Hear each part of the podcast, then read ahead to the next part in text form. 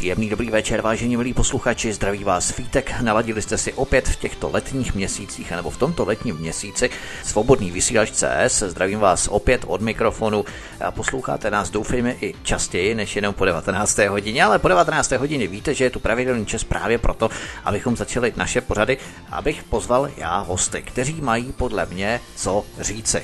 A chtěl bych dnes přivítat člověka, kterého určitě znáte. Člověka, který pracuje v Centru pro studium politického islámu. A člověk, který, ač navzdory jeho příjmení, tak začínáme s ním právě přesně a právě včas. Tím člověkem je Jan Zmeškal. Honzo, vítejte. Dobrý den. Na programu Svobodného vysílače vidíte, že se budeme zabývat Mohamedovým životem. A možná se někdo zeptá na to, Marko, proč se zabývat právě Mohamedovým životem v dnešní době? Odpovědí je sice spousty, protože rozhodně nás zájem o Mohamedův život nestaví do role vášnivých milovníků a obdivovatelů islámu, ale je tomu právě naopak. Jak nejlépe pochopit svého nepřítele? Nejlépe tak, že poznáme jeho zbraně, ať už ekonomické, politické, tak i ideové.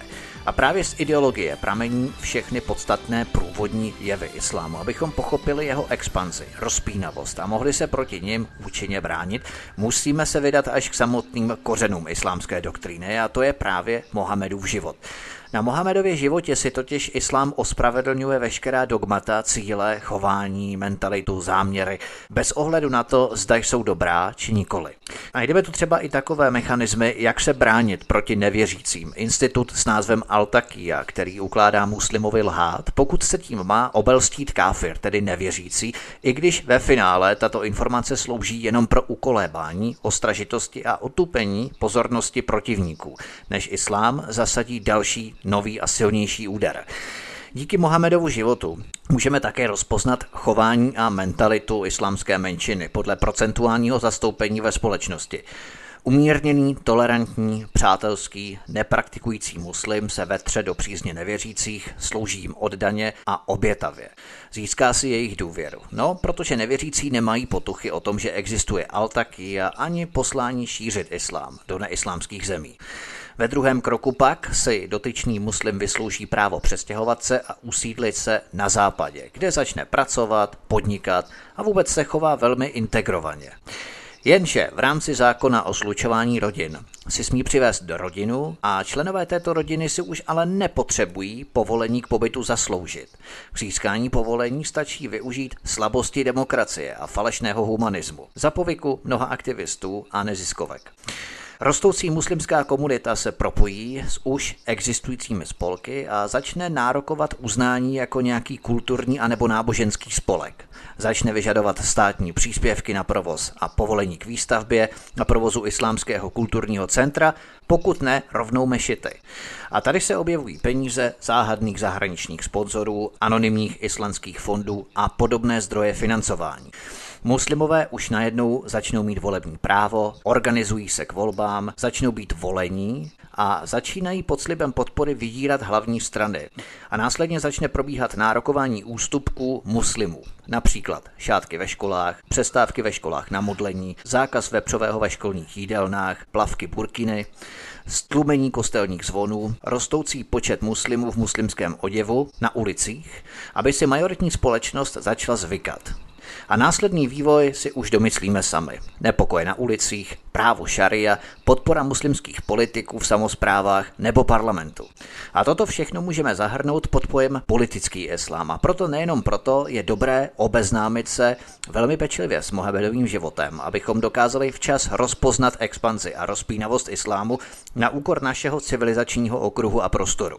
A proto mé pozvání na svobodný vysílač tedy ještě jednou pozval odborník, expert na slovo vzatý, který se přímo politickým islámem zabývá a který dělá tu hlavní osvětu o islámu, o Mohamedovi na úkor svého osobního volna. Jak už to tak chodí i s námi moderátory svobodného vysílače. Hod, nadšení a entuziasmus musíme partnerům naší hobby a volnému času tak trochu obětovat. Honzo, já vás ještě jednou vítám u nás. Tak já, si, já vám děkuji za pozvání. Vy jste, vy jste mi tady udělal takový celkem velký úvod a v podstatě zhrnul spoustu toho, co se dá o Mohamedově životě říct nebo o těch jeho praktických důsledcích, takže si myslím, že můžeme jít klidně i trochu víc do hloubky. já bych navázal možná na tu vaši úvahu, proč bychom se měli v dnešním světě v 21. století vůbec zabývat životem proroka Mohameda, který žil v 7. století. To je podle mě otázka, která vrtá v hlavě mnoha lidí. A myslí si, mnoho lidí si myslí, že 14 let staré události už se nás dnes nijak netýkají, ale Doufám, že na konci tohoto rozhovoru vaši posluchači poznají, že to tak úplně není. Takže kdybych měl přímo odpovědět na tu otázku, proč se zabývat Mohamedovým životem, tak ten důvod je dvojí. Na začátek řeknu, že bohužel mnoho lidí má velice zkreslenou představu o tom, kým Mohamed byl a jaký život vedl. Protože když se v naší společnosti řekne náboženský prorok, tak taková, řekněme, výchozí představa mnoha lidí je, že to je někdo, kdo chodil po světě možná se skupinkou svých žáků, třeba město od města a hlásal v poklidu a míru nějaké náboženské učení. Hmm. Což u Mohameda eh, svým způsobem je pravda, ale je to pravda jenom z části a je to pravda jenom z té menší a méně významné části. Mnoho lidí dnes neví, že Mohamed eh, má za sebou, nebo měl za sebou velkou politickou a válečnickou kariéru. Takže první důvod je ten, abychom si vůbec mohli udělat eh, správnou představu o tom, kým Mohamed byl. No a ten druhý důvod je, že o islámu panuje mnoho zmatených a protichůdných názorů. Například se můžeme doslechnout z mnoha různých zdrojů, že islám je náboženství míru. To říkají, to říkají významné kulturní osobnosti, říkal to uh, například s oblibou i bývalý americký prezident Barack Obama, Eh, říkají to různí imámové při svých veřejných kázáních, když jsou třeba někde v televizi. Takže to je ta jedna stránka. Islám je náboženství míru, náboženství eh, prosazující toleranci. Druhá stránka je, uh, druhá stránka jsou jevy jako to, co můžeme vidět v současné Evropě, kdy například kritici Mohameda jsou v lepším případě umlčováni a zastrašováni, v tom horším případě je na ně přímo útočeno a v tom úplně nejhorším případě se ty útoky vydaří a takoví kritici jsou fyzicky napadeni nebo i zabiti.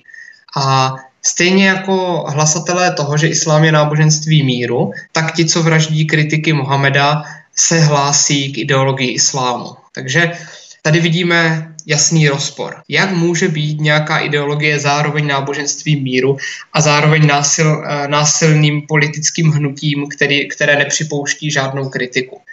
To je uh, poměrně dost složitá otázka pro naše uvažování, ale jak, jakmile si projdeme ten Mohamedův život, tak zjistíme, že na ní existuje velice jasná a jednoznačná odpověď.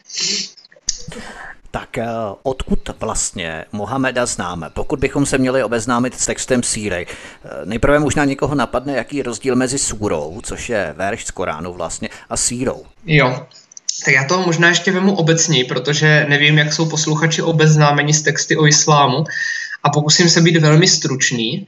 Uh, většina lidí si myslí, že islámská doktrína vychází z Koránu. To je samozřejmě částečně pravda, Korán je naprosto zásadní zdroj, ale není to celá pravda. Existují ještě dva další typy textů. Jeden z nich se jmenuje právě síra, jak jste řekl, což je, já vás nebudu zbytečně zatěžovat historickými daty, ale je to, je to uh, text sepsaný uh, zhruba 200 let po Mohamedově životě a je dnes považován za, takovou, za takový oficiální životopis Mohameda, za autoritativní oficiální uh, výklad jeho života. Takže to je takzvaná síra. A třetí zdroj jsou hadísy, což jsou uh, sbírky toho, co Mohamed dělal, co říkal a jak se zachoval v různých situacích. A všechny tyto tři texty, čili Korán, síra a hadísy, tvoří naprosto nerozlučně zdroj islámské doktríny. No, vy, jste se, vy jste se tedy ptal, jaký je rozdíl mezi súrou a sírou. Súra to je vlastně jeden, jeden verš v Koránu, nebo ne, ne verš, pardon, ale jedna kapitola v Koránu. Takových kapitol má Korán přes 100. Zatímco síra, jak už jsem řekl, je Mohamedův životopis.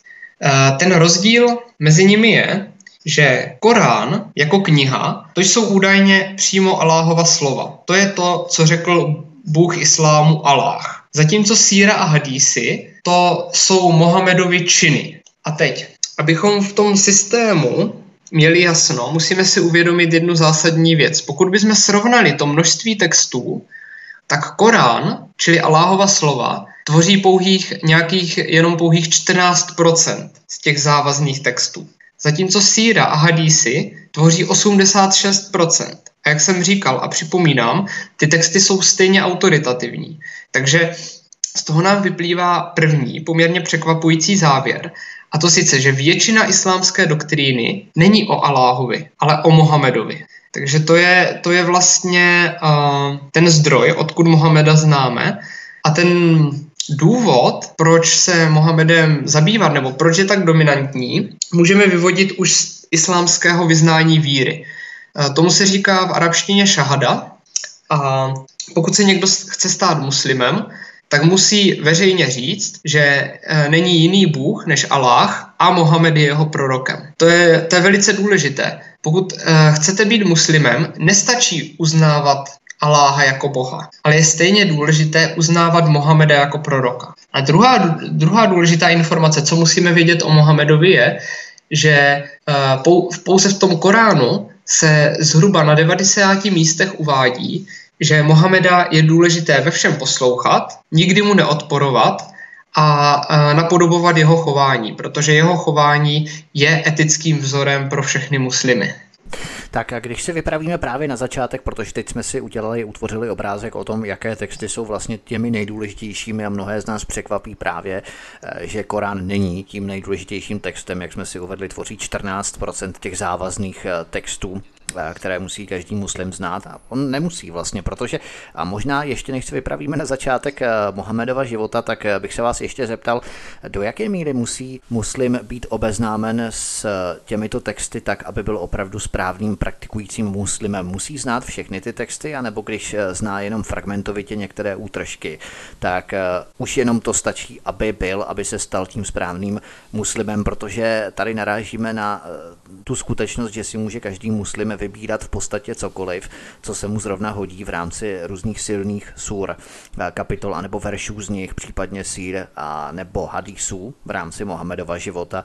Eh, něco převažuje, něco je silnější, něco je slabší, podle něčeho se chce řídit, ale vlastně takto si to můžeme i selektivně vyzobávat a vypichovat z ostatních vír a ideologií, ať se jedná o křesťanství, judaismus, hinduismus, eh, a tak dále. Čili eh, vlastně tvoří víra opravdu ten základ v rámci muslima, kdy je muslim skutečně nucen znát co největší obsah těch textů, anebo stačí jenom něco, nebo si může něco vybrat, co chce, nebo jak to vlastně je? Tak uh, takhle, já tady budu celou dobu mluvit z úhlu pohledu doktríny. Samozřejmě jedna věc je, jak to je ve skutečnosti, ale já se budu hlavně zaměřovat na to, co právě říká islám. A te, tehdy, když islám vznikal, tak se vlastně nepočítalo s tím, že by praktikující muslimové uměli vlastně číst, protože když si představíme tu Arábii v 7. století, tak většina lidí samozřejmě neuměla číst. Takže proto vznikl institut imámů, kteří mají vlastně ten běžný lid, toho běžného muslima, seznamovat s tou doktrínou. No a tady už nám vlastně vzniká ten jev, že ti imámové eh, si můžou častokrát eh, vybírat, co, co říkají. A jak už jsem naznačil na začátku, jedna věc je, co říkají třeba ve veřejných kázáních v televizi, a druhá věc je, co říkají eh, v nějakém intimnějším kruhu, například přikázání v mešitě. takže to, to je, jeden, je jeden aspekt téhle otázky. A nicméně, nicméně vy jste se ptal, jestli si muslim může, uh, může vybírat uh, to, co bude praktikovat.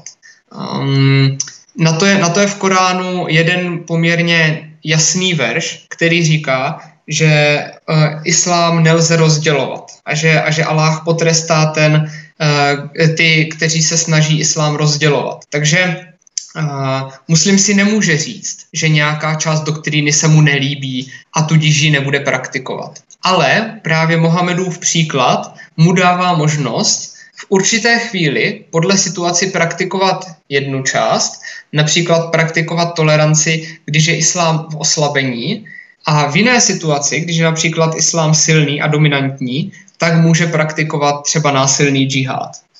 Aha, to znamená, že my budeme probírat i ty typy, různé typy džihádu, ať se jedná kulturní džihad, ale zejména ofenzivní a defenzivní džihad.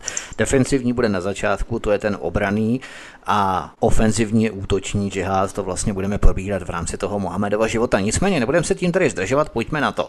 Na začátku Mohamedova života tu ale shledáváme pozoruhodně velkou absenci historických záznamů. Čím to je, nebo proč tomu tak je? Žádný kronikář věrně prostě nezachytil ty začátky Mohamedova života, nebo eh, došlo prostě ke ztrátě těchto historických záznamů materiálu? Tak my tedy, pokud bychom se na Mohamedův život chtěli podívat z hlediska historika, tak eh, máme zoufale málo záznamů o jeho životě jako o celku. Eh, ani, ani z pozdních fází jeho života nemáme de facto žádné solidní záznamy. A dnes existuje poměrně, poměrně silná škola historického myšlení, myšlení která, která přináší velmi zajímavé důkazy uh, ukazující na to, že Mohamed jako historická osobnost možná nikdy nežil. Samozřejmě to jsou historické spekulace. Já mám trochu obavu, že my už se dnes tu skutečnou odpověď, jestli Mohamed jako historická osoba žil nebo nežil, možná nikdy nedozvíme, protože těch zdrojů je opravdu málo. Uh, nicméně, nicméně já tu budu vycházet z toho, co napsali o Mohamedovi jeho následovníci, právě autor síry a sběratelé hadísů. A tam máte pravdu, že z Mohamedova raného života, z jeho dětství a mládí máme velmi málo záznamů. A prostě, prostě nejspíš, nejspíš to je proto, že z hlediska Mohamedova života nebo z, z hlediska budoucího islámu se tam nedělo zas tak mnoho významných věcí. Co víme o tom Mohamedově dětství a mládí, řekněme, a rané dospělosti, je to, že uh, vlastně jeho otec zemřel ještě před Mohamedovým narozením, jeho matka zemřela, když byl, když byl velmi malý a O Mohamedovu výchovu se staral nejdřív jeho strýc a pak jeho dědeček. Díky, těm, díky téhle situaci se Mohamed ale už jako mladý zapojil do obchodního života a jezdil na obchodní cesty například do Sýrie nebo, nebo obecně po těch okolních regionech, kde se právě setkal uh, například s křesťanstvím a jinými uh, monoteistickými náboženstvími, který, které, nebyly tak, která, které nebyly tak zastoupené v tehdejší Arábii.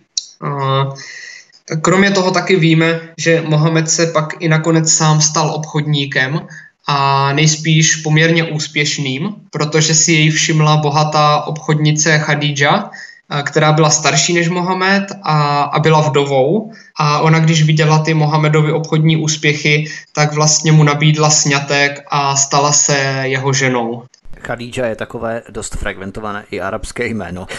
Přicházíme tedy k prvnímu zjevení Koránu. Já se chci zeptat, zaznamenal jsem jakousi studii, vědeckou studii, spekulaci, která pravila, že Mohamed, stejně tak jako třeba vize, které prodělala Johanka z Arku, byly jednoduše vysvětlitelné přeludy způsobenými epileptickými záchvaty, které způsobovaly velmi živou obrazotvornost, přece jenom evokovaly takový ten pocit, že s nimi kdo si komunikoval, jakási živá bytost. Eh, myslíte, že je to možné, že Mohamed prostě trpěl epilepsií a tyto jeho zjevení byly ve skutečnosti průvodními jevy jeho epilepsie? Tak eh, vyloučit se to asi nedá. A jak jsem říkal, já, já jsem v tomhle takový trochu pesimista a obávám se, že tu skutečnost už se nejspíš nikdy nedozvíme kvůli nedostatku materiálu.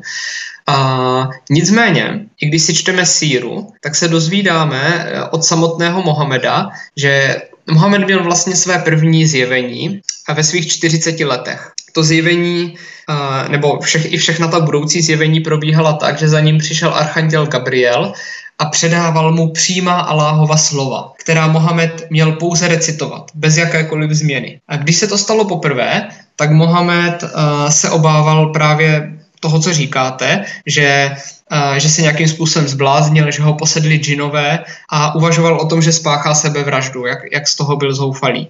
Ale byla to právě jeho první žena Khadija, která ho přesvědčila o tom, že není bláznem, utěšila ho a vlastně velice záhy přestoupila na tu novou víru, kterou Mohamed začal kázat. Takže se v podstatě stala první muslimkou. A postupme k raným učením, která navazovala na židovské proroky. Začal už tehdy islám odsuzovat jiná existující náboženství, jak si formovat ty základy nadřazenectví islámské doktríny na úkor těch ostatních bez prvků, jak si bez prvků tolerance v rámci toho nového náboženství, které se zatím jenom formovalo a bylo v plenkách, doslova do písmene v rámci Mohameda. Tak eh, já ještě tady uh, možná bych uvedl jednu fázi džihádu, protože vy jste vlastně říkal, že to období toho, nebo ta, ty fáze Mohamedova džihádu se dají rozdělit na defenzivní a ofenzivní. To je samozřejmě pravda, ale uh, dá se říct, že ještě takovou fází jedna je takzvaný kulturní, nebo můžeme říct třeba plíživý džihad. To znamená džihad převážně slovy. A jako jakýkoliv jiný džihad, i tenhle ten má za cíl nastolit dominanci islámu. A teď, když se vrátím k té vaší konkrétní otázce, jestli islám už se snažil nějakým způsobem dominovat nad těmi ostatními vírami, uh, tak nejdřív musíme pochopit, že z toho, co víme, tak ta Meka, ve které Mohamed žil, to, to, bylo, to bylo město, kde se narodil a žil, tak byla poměrně multikulturním prostředím. My nebo současní historici odhadují, že tam mohlo existovat až 360 různých kultů, které se všechny společně uctívaly v té kábě, v té centrální svatyni. Byli tam samozřejmě židé a křesťané, kteří častokrát eh, do Arábie utíkali kvůli nějaké persekuci, ale bylo tam i spoustu pohanských vyznání. A všechna toto vyznání se praktikovala vedle sebe. Takže když Mohamed přišel s novým náboženstvím, které navíc nějakým způsobem navazovalo na ty židovské proroky, tak eh, z toho nikdo nebyl nějak zvlášť překvapený nebo pobouřený, protože jestli tam měli nějakých tři, eh, přes 300 různých kultů, tak nebyl důvod se nějak podivovat nad jedním novým.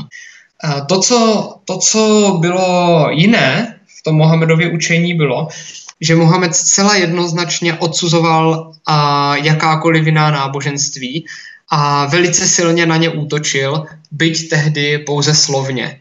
Mohamed vlastně říkal, že všichni ti předci jeho, jeho spoluobčanů, kteří, kteří zemřeli a kteří předtím vlastně věřili ve špatnou víru, tak se smaží v pekle a stejně tak všichni, všichni jeho současníci, kteří nepřistoupí bezpodmínečně na islám, se budou smažit v pekle. Takže on už od začátku zcela jasně odsuzoval všechna ostatní náboženství, ale v této první, v této první fázi džihádu to bylo pouze na úrovni slov, ještě ne činů. Magistr Jan Zmeškal z Centra pro studium politického islámu je hostem u nás na svobodném vysílači. My si zahrajeme písničku, trochu si odpočineme a potom se vrhneme právě do Meky a do prvních konfliktů, které začínaly probíhat a jak si probublávat mezi Mohamedem a Mekánci. Hezký večer. Písnička nám doznívá, takže jsme to zpátky. Zdraví vás svítek na svobodném vysílači. Magistr Jan Zmeškal je naším dnešním hostem z Centra pro studium politického islámu a skončili jsme v Mece a netrvalo dlouho a nastaly první konflikty s Mekánci. S jakého důvodu těm incidentům docházelo, jaká byla jejich příčina a jak eh, vlastně ty konflikty probíhaly. Nejprve asi byly verbálního charakteru, konfrontace právě s tím, že on říkal, že ti předci jiných náboženství, stoupenců jiných náboženství, těch kultur, které eh, spolu žili tolerantně v mece, tak se budou smažit v pekle. A potom asi tyto konflikty přerostly i do nějakých politických šarvátek a masovějších střetů. Koho s kým vlastně, nebo jak eh, docházelo k těmto incidentům, jak probíhaly? Tak v té mekánské fázi, když Mohamed žil ještě ve městě Meka, tak ty konflikty do přímého násilí uh, nebo do násilí uh, ve větší míře ještě nepřerostly. Byly tam možná nějaké bitky, ale ještě, ještě se netasily meče. Takže zůstali, zůstali spíš na té, na té verbální a samozřejmě i nějaké politické úrovni. Uh, tam, dochá, tam několikrát, jak, jak jsem již říkal, uh, Mekánci byli zvyklí na nová náboženství, ale nebyli zvyklí na to, že uh, někdo právě netoleruje tu jejich toleranci. Uh, to, to kulturní prostředí tam bylo vůči náboženstvím poměrně tolerantní a Mohamed tohleto nebyl ochotný respektovat.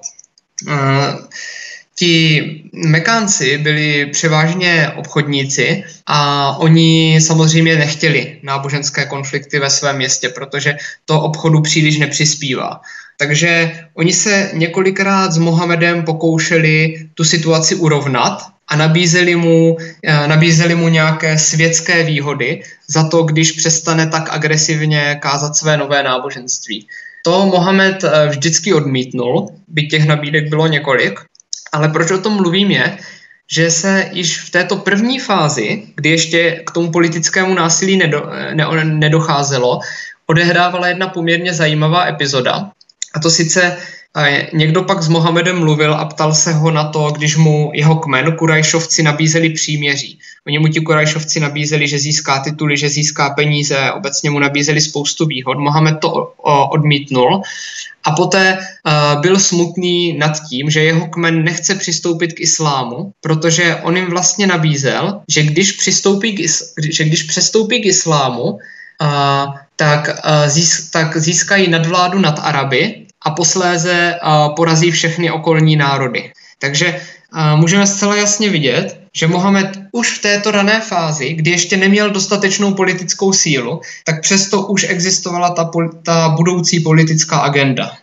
Nicméně, jak jsem říkal, k tomu, že by nakonec Mohameda někdo třeba se pokusil zabít nebo, nebo ho nějak příliš zranil, nedošlo, protože jeho, eh, jak jsem řekl, ten mm, jeho strýc, který se o něj staral, byl poměrně významnou osobou v Mekce a přestože Mohamedovi názory nezdílel, tak nad ním držel ochranou ruku a ti ostatní Mekánci si nedovolili proti němu vystoupit. Tak a my se dostáváme k začátkům takzvaného kulturního džihádu. O typech džihádu jsme tu mimochodem měli s vámi z CSPI taky pořád u nás na svobodném vysílači džihádu. Kromě džihádu mečem máme i spoustu dalších vzdělávací džihád, populační džihád, ekonomický džihád a tak dále. A tady v tomto případě jde o kulturní džihád. Vlastně první džihád, který kdy vůbec z pozice islámu vypukl nebo vznikl. Co bylo vlastně jeho podstatou a jaký byl jeho průběh? Jak by ho mohli popsat nebo charakterizovat? Realizovat? Tak eh, tam vlastně eh, tou, tam, tam bylo několik motivů. Samozřejmě tou primární Mohamedovou snahou bylo získat co nejvíc přívrženců pro islám. To se ale bohužel nedařilo. Já teďka trošičku přeskočím a předem prozradím, že za svých, eh, za svých nějakých 12 let působení v Mekce Mohamed působení jako prorok, tedy myslím, Mohamed získal jenom nějakých 150 přívrženců, takže, eh, takže tenhle ten cíl eh, nebyl úspěšný.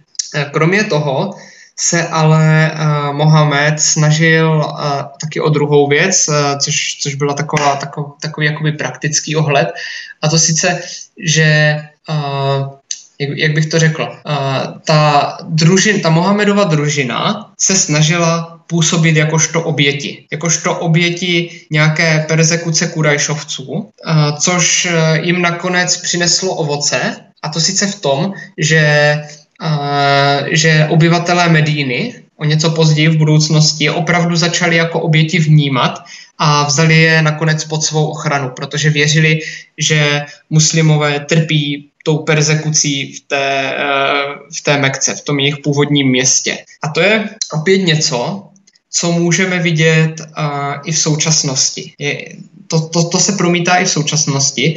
Dnes, když je ta islámská komunita někde velmi slabá a v naprosté menšině, tak můžeme vidět, že uh, skupiny jako například uh, různé neziskové organizace navázané na muslimské bratrstvo investují obrovskou snahu do toho, aby vykreslili islám nejenom muslimy jako lidi, ale i islám jako oběť. A aby přiměli nevěřící, neboli káfiry, já budu používat slovo káfiry, protože to je přesnější, aby přiměli okolní káfiry myslet si, že islám je persekuován a tím pádem, aby islám získal nějaké výsadní postavení. No a z, toho, z tohohle období pochází a také další důležitá metoda, vy už jste na ní narazil, a to sice, to sice taky já. V tom, v tom období to muslimové opravdu neměli v Mekce kolikrát lehké a Allah jim tedy dovolil lhát, pokud nejsou ve výhodné situaci a pokud to pomůže islámu.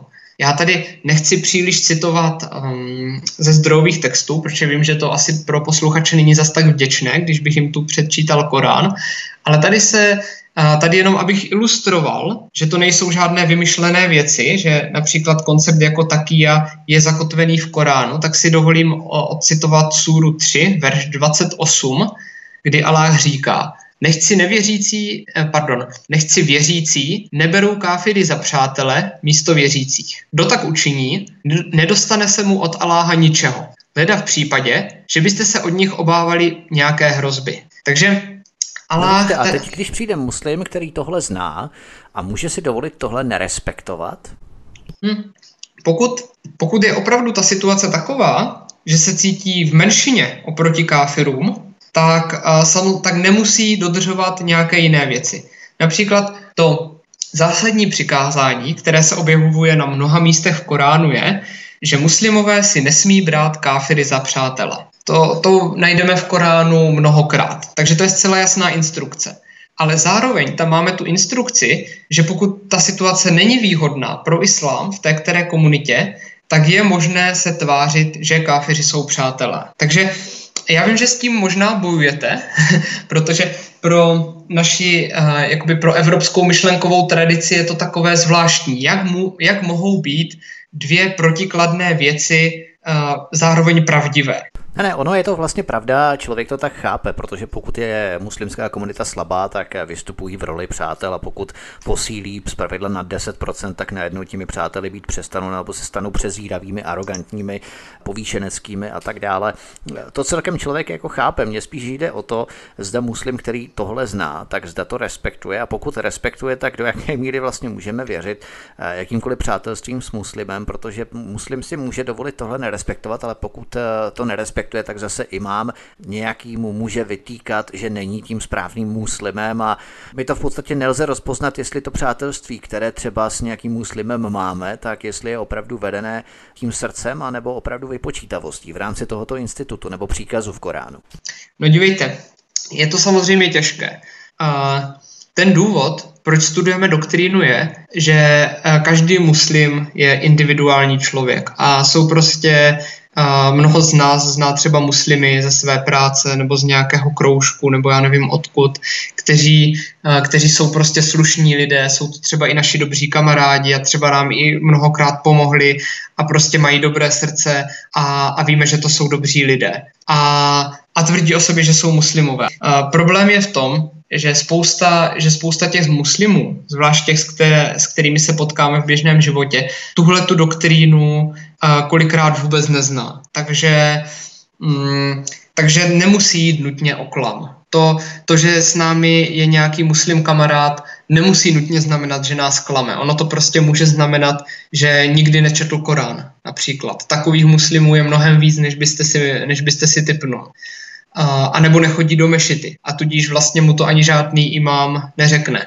A, takže Uh, takže to, že muslim z naší práce je naším kamarádem, nemusí být nutně lest. Ale i tak je důležité znát tu doktrínu, protože uh, když nějaký imám například vystupuje v televizi, nebo nějaký přední islámský vůdce působí jako poradce ve vládě, tak to jsou lidé, kteří tu doktrínu ve směs dobře znají. A tam podle mě můžete mnohem víc počítat s tím, že jsou obeznámení s těmi pravidly. A to jsou právě uh, situace, kdy je potřeba, abychom i my jako občané znali, uh, znali tuto doktrínu. Protože pokud nám například imám v televizi nebo v novinách něco tvrdí, tak uh, se můžeme téměř jistě spolehnout na to, že on Korán četl. Aha.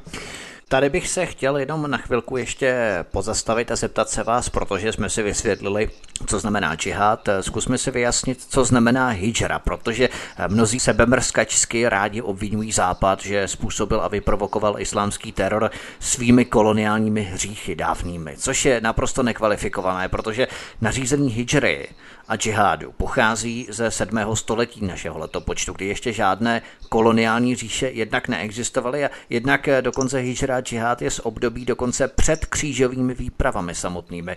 Tak to bych chtěl jenom patřičně zdůraznit tuto jaksi poznámku pod čarou v rámci těch různých flagelantských masochistických zásad, kterými nás právě politici snaží se uvrhnout do pozice těch, kteří musí odčinit naše hříchy.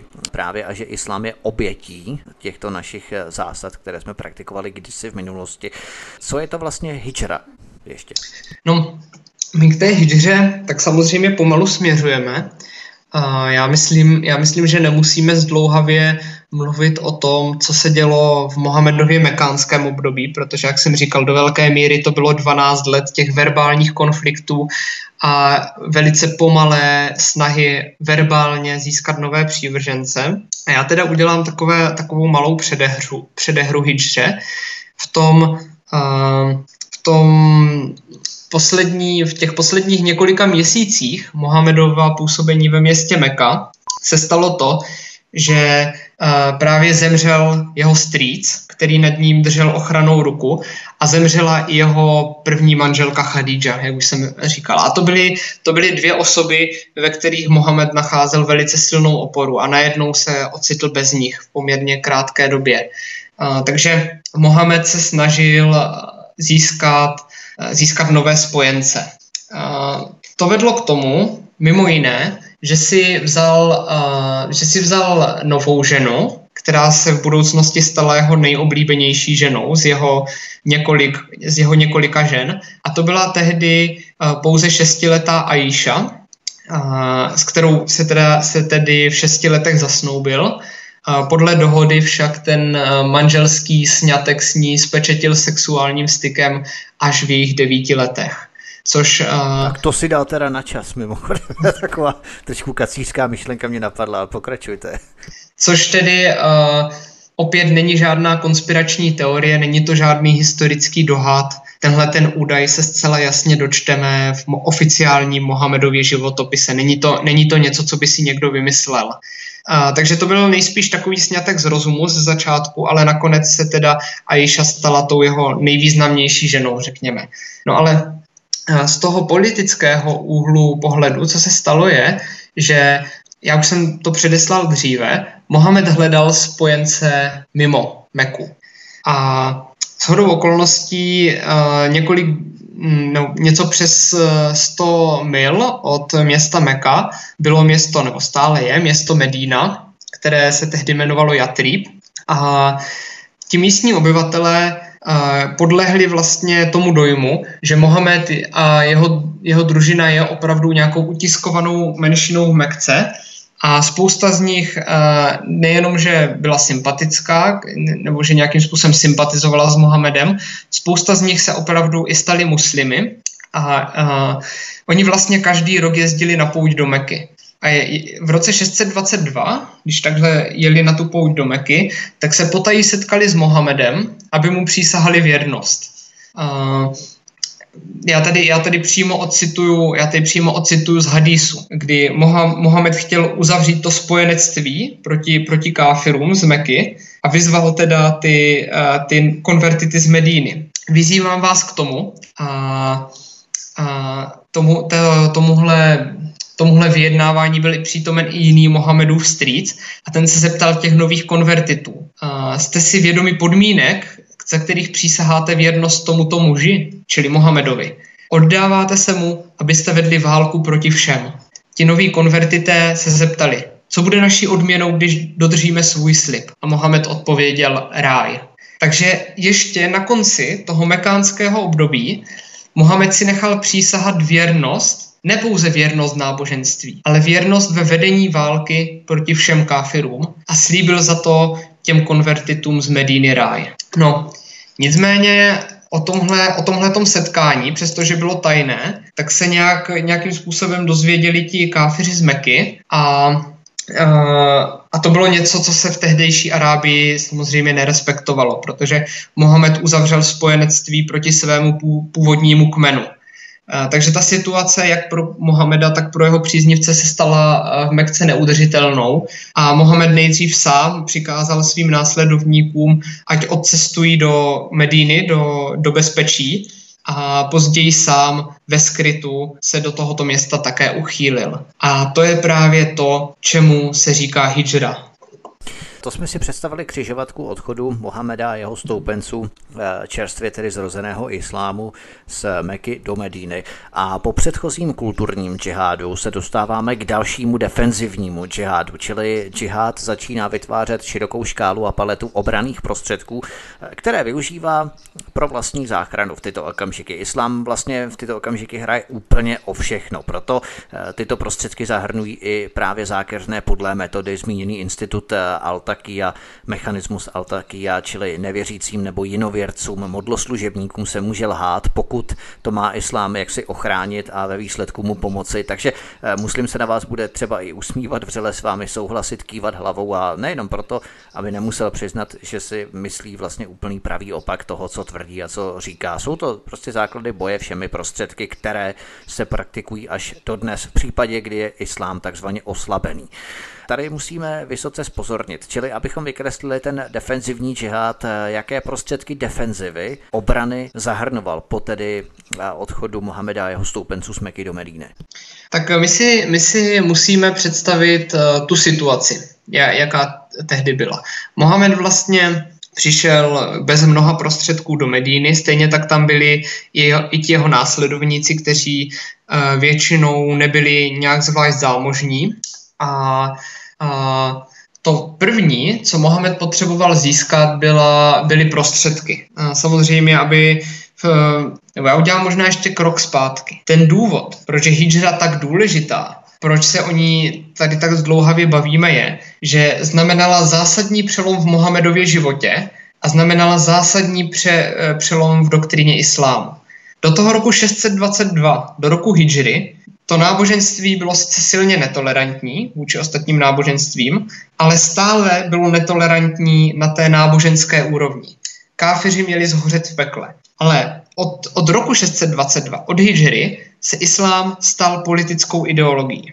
Ta první věc, kterou Mohamed udělal po příchodu do Medíny, bylo, že sepsal novou medínskou ústavu, nové zákony a a mimochodem, já o tom nebudu mluvit zdlouhavě, ale podle té ústavy si oficiálně byli všichni ti obyvatelé rovni. V té době žili v Medíně.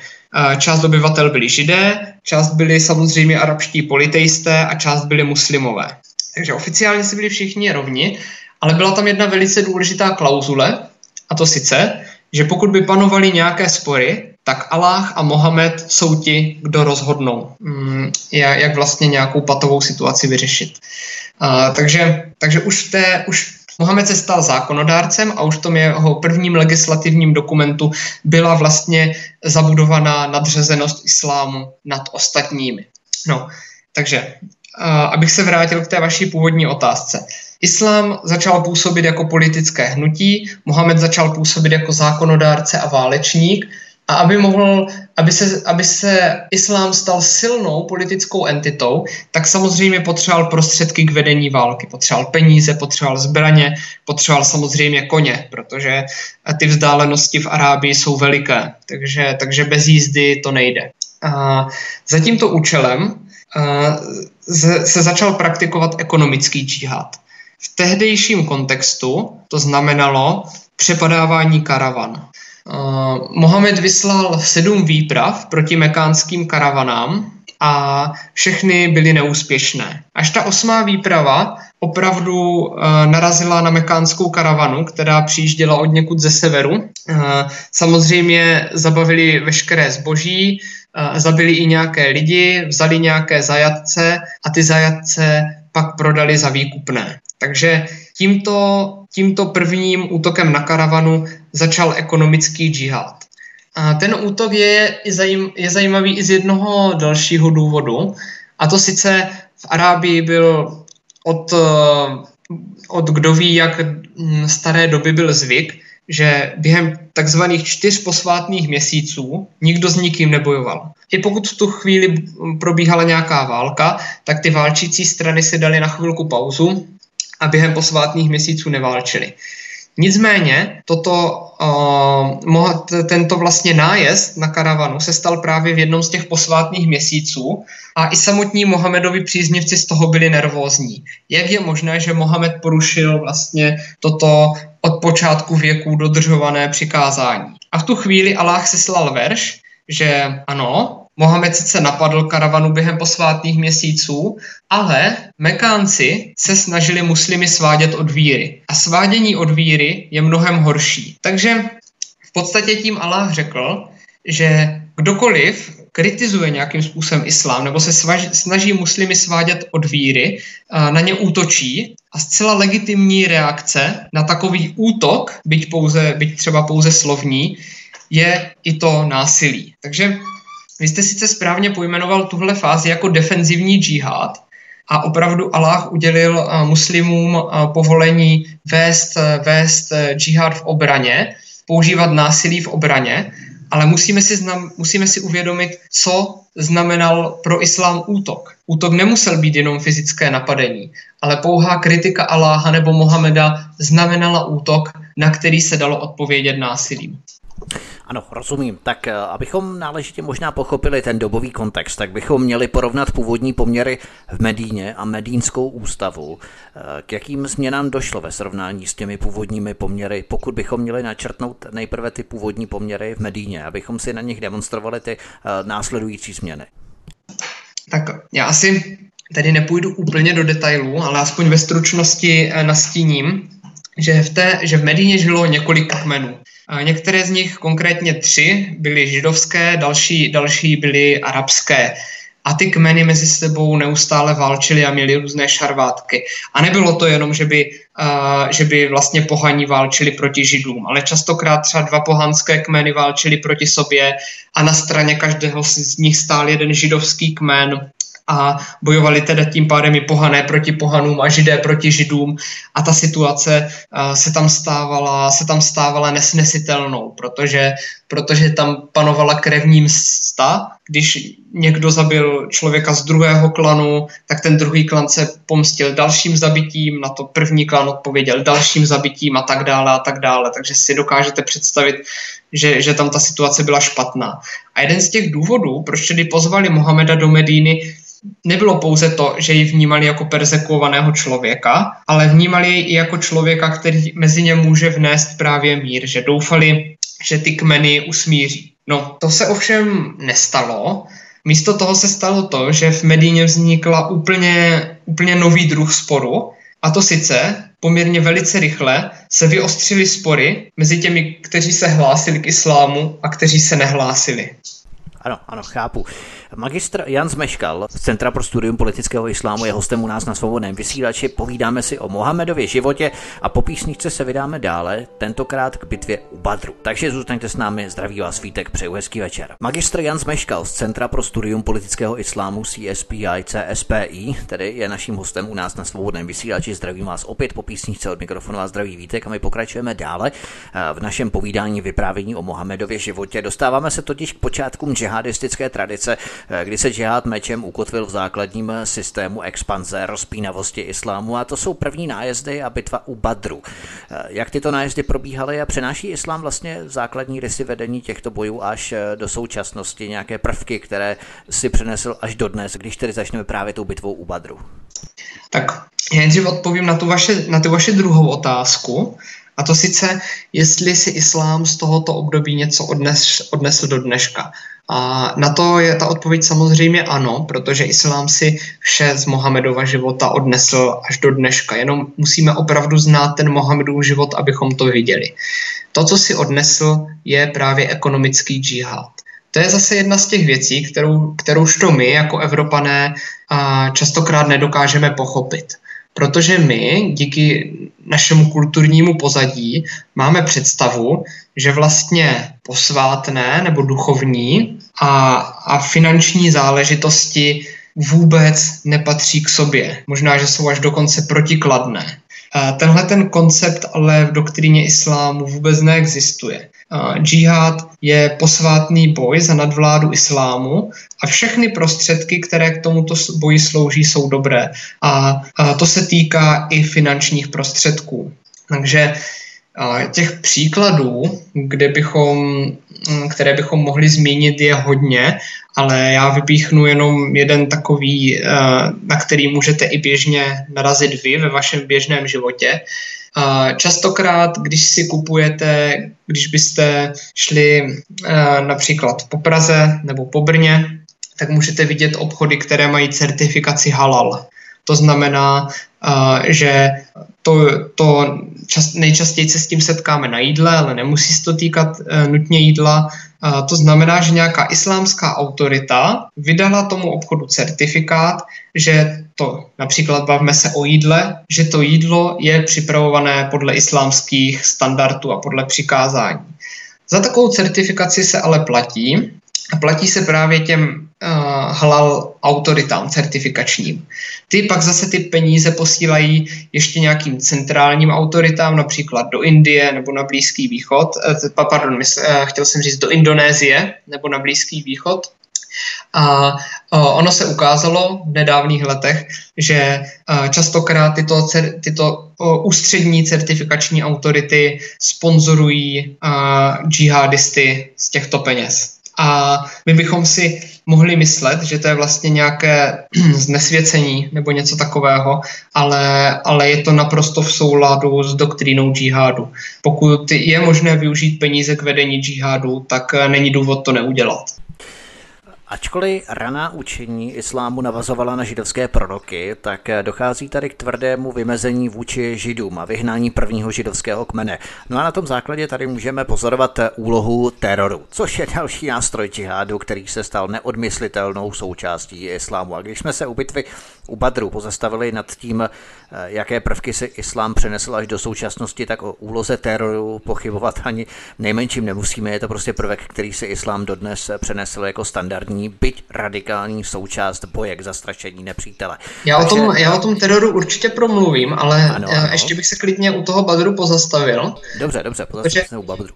Uh, protože uh, nevím, jestli posluchači přesně ví, o čem ta bitva byla, tak já tomu dám aspoň v krátkosti ten kontext. A Mohamed pokračoval s přepadáváním karavan, těch mekánských, a a to si samozřejmě Mekánci nemohli nechat líbit, protože obchod byl pro ně hlavní zdroj příjmu a když by přišli o všechny karavany, tak samozřejmě budou na mizině. Takže když věděli, že se ze severu blíží velká kara, karavana, která vezl, vezla hodně bohatství, hodně zboží, tak vyslali tisícovou armádu na ochranu této, na ochranu této karavany. Mohamed se samozřejmě se svou družinou, která od té doby značně narostla, chystal tu karavanu přepadnout a, a vyrazil jí vstříc. Ten měl sebou nějakých 300 příznivců. Tyto dvě armády se střetly eh, právě u Badru, a samozřejmě si dokážete představit, že eh, když eh, Mohamedovi následovníci viděli tu armádu, která byla vlastně třikrát větší než ten jejich počet, tak z toho byli celkem zoufalí a do boje se jim eh, moc nechtělo. A Mohamed jim všem dal velice významný slib. Mohamed na začátku bitvy řekl, do ráje vstoupí každý, kdo bude dnes zabit, neboť bojoval s odvahou, postupoval vpřed a neustoupil. Kromě toho těm svým bojovníkům také slíbil, že pokud tu bitvu vyhrají, tak si budou moct nechat část kořisti. Takže se ocitáme ve chvíli, kdy ti džihadisté, ti bojovníci džihádu, měli před sebou vlastně jenom dvě dobré možnosti. Buď budou během bitvy zabiti a tím pádem vstoupí do ráje, což je samozřejmě ten ultimátní cíl, anebo přežijí a budou mít nárok na a, materiální odměnu v tomto světě. A to je model, který velice dobře u Badru zafungoval, protože a, nějakým způsobem se stalo to, nejspí, nejspíš to bylo tím, že ti bojovníci džihádu byli tak silně namotivovaní, že přestože čelili trojnásobné přesile, tak přesto vlastně tu mekánskou armádu porazili a zahra, zahnali ji na útěk. Takže vidíme, že vlastně tato pobídka velice dobře fungovala a od té doby jak za Mohamedova života, tak vlastně až do dnešních dnů pořád, pořád funguje, proto, protože jakožto bojovník džihadu vlastně vždycky dopadnete dobře. Tak to je vlastně k té úloze terodu, kterou jsme si i představili v demonstraci na té bitvě u Badru. Možná, když se tu bavíme právě o bitvě u Badru, mohli bychom zmínit bitvu u Hudu. Eh, velmi stručně, čím se vyznačovala? Tak eh, zase bitva u Hudu proběhla, proběhla o něco později a nepůjdu do velkých detailů. Co, co si myslím, že je důležité říct, je, že islám tam byl tehdy poražen. A stalo se to kvůli tomu, že Mohamed dal svým lučištníkům nějaký příkaz, aby drželi určitou pozici a oni ten příkaz neuposlechli a když viděli, že vlastně část nepřátelských sil se dává na útěk, tak se vydali za nimi a chtěli je okrást o, o nějaké ty jejich zásoby, o, nějak, o nějaký jejich materiál. Nicméně, nicméně tím, tím, že opustili svoji pozici, tak umožnili mekánské jízdě, aby pronikla na takticky významné postavení a nakonec celou Mohamedovu družinu porazila a Mohamed i se svými následovníky musel utéct.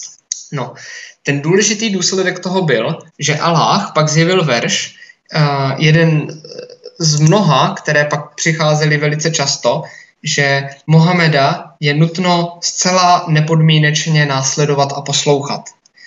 To si, to si myslím, že je jakoby do budoucnosti takový nejdůležitější následek té bitvy u Uhudu. Další metoda, kterou začal islám využívat, byla zákopová bitva s použitím klamu k vyhrání války. Ovšem zákopová válka to je takový fenomen, eh, která byla standardním bojovým postupem během třeba první nebo druhé světové války. Eh, čím se lišila vlastně tato zákupová bitva s využitím klamu na soupeře nebo protivníka od eh, těch standardních zákupových válek, které si asi při tomto označení nebo tomto termínu vybavíme? Tak ta zákupová bitva, to, to můžeme určitým způsobem vnímat jako vyvrcholení toho obraného džihádu. O co tam zase šlo?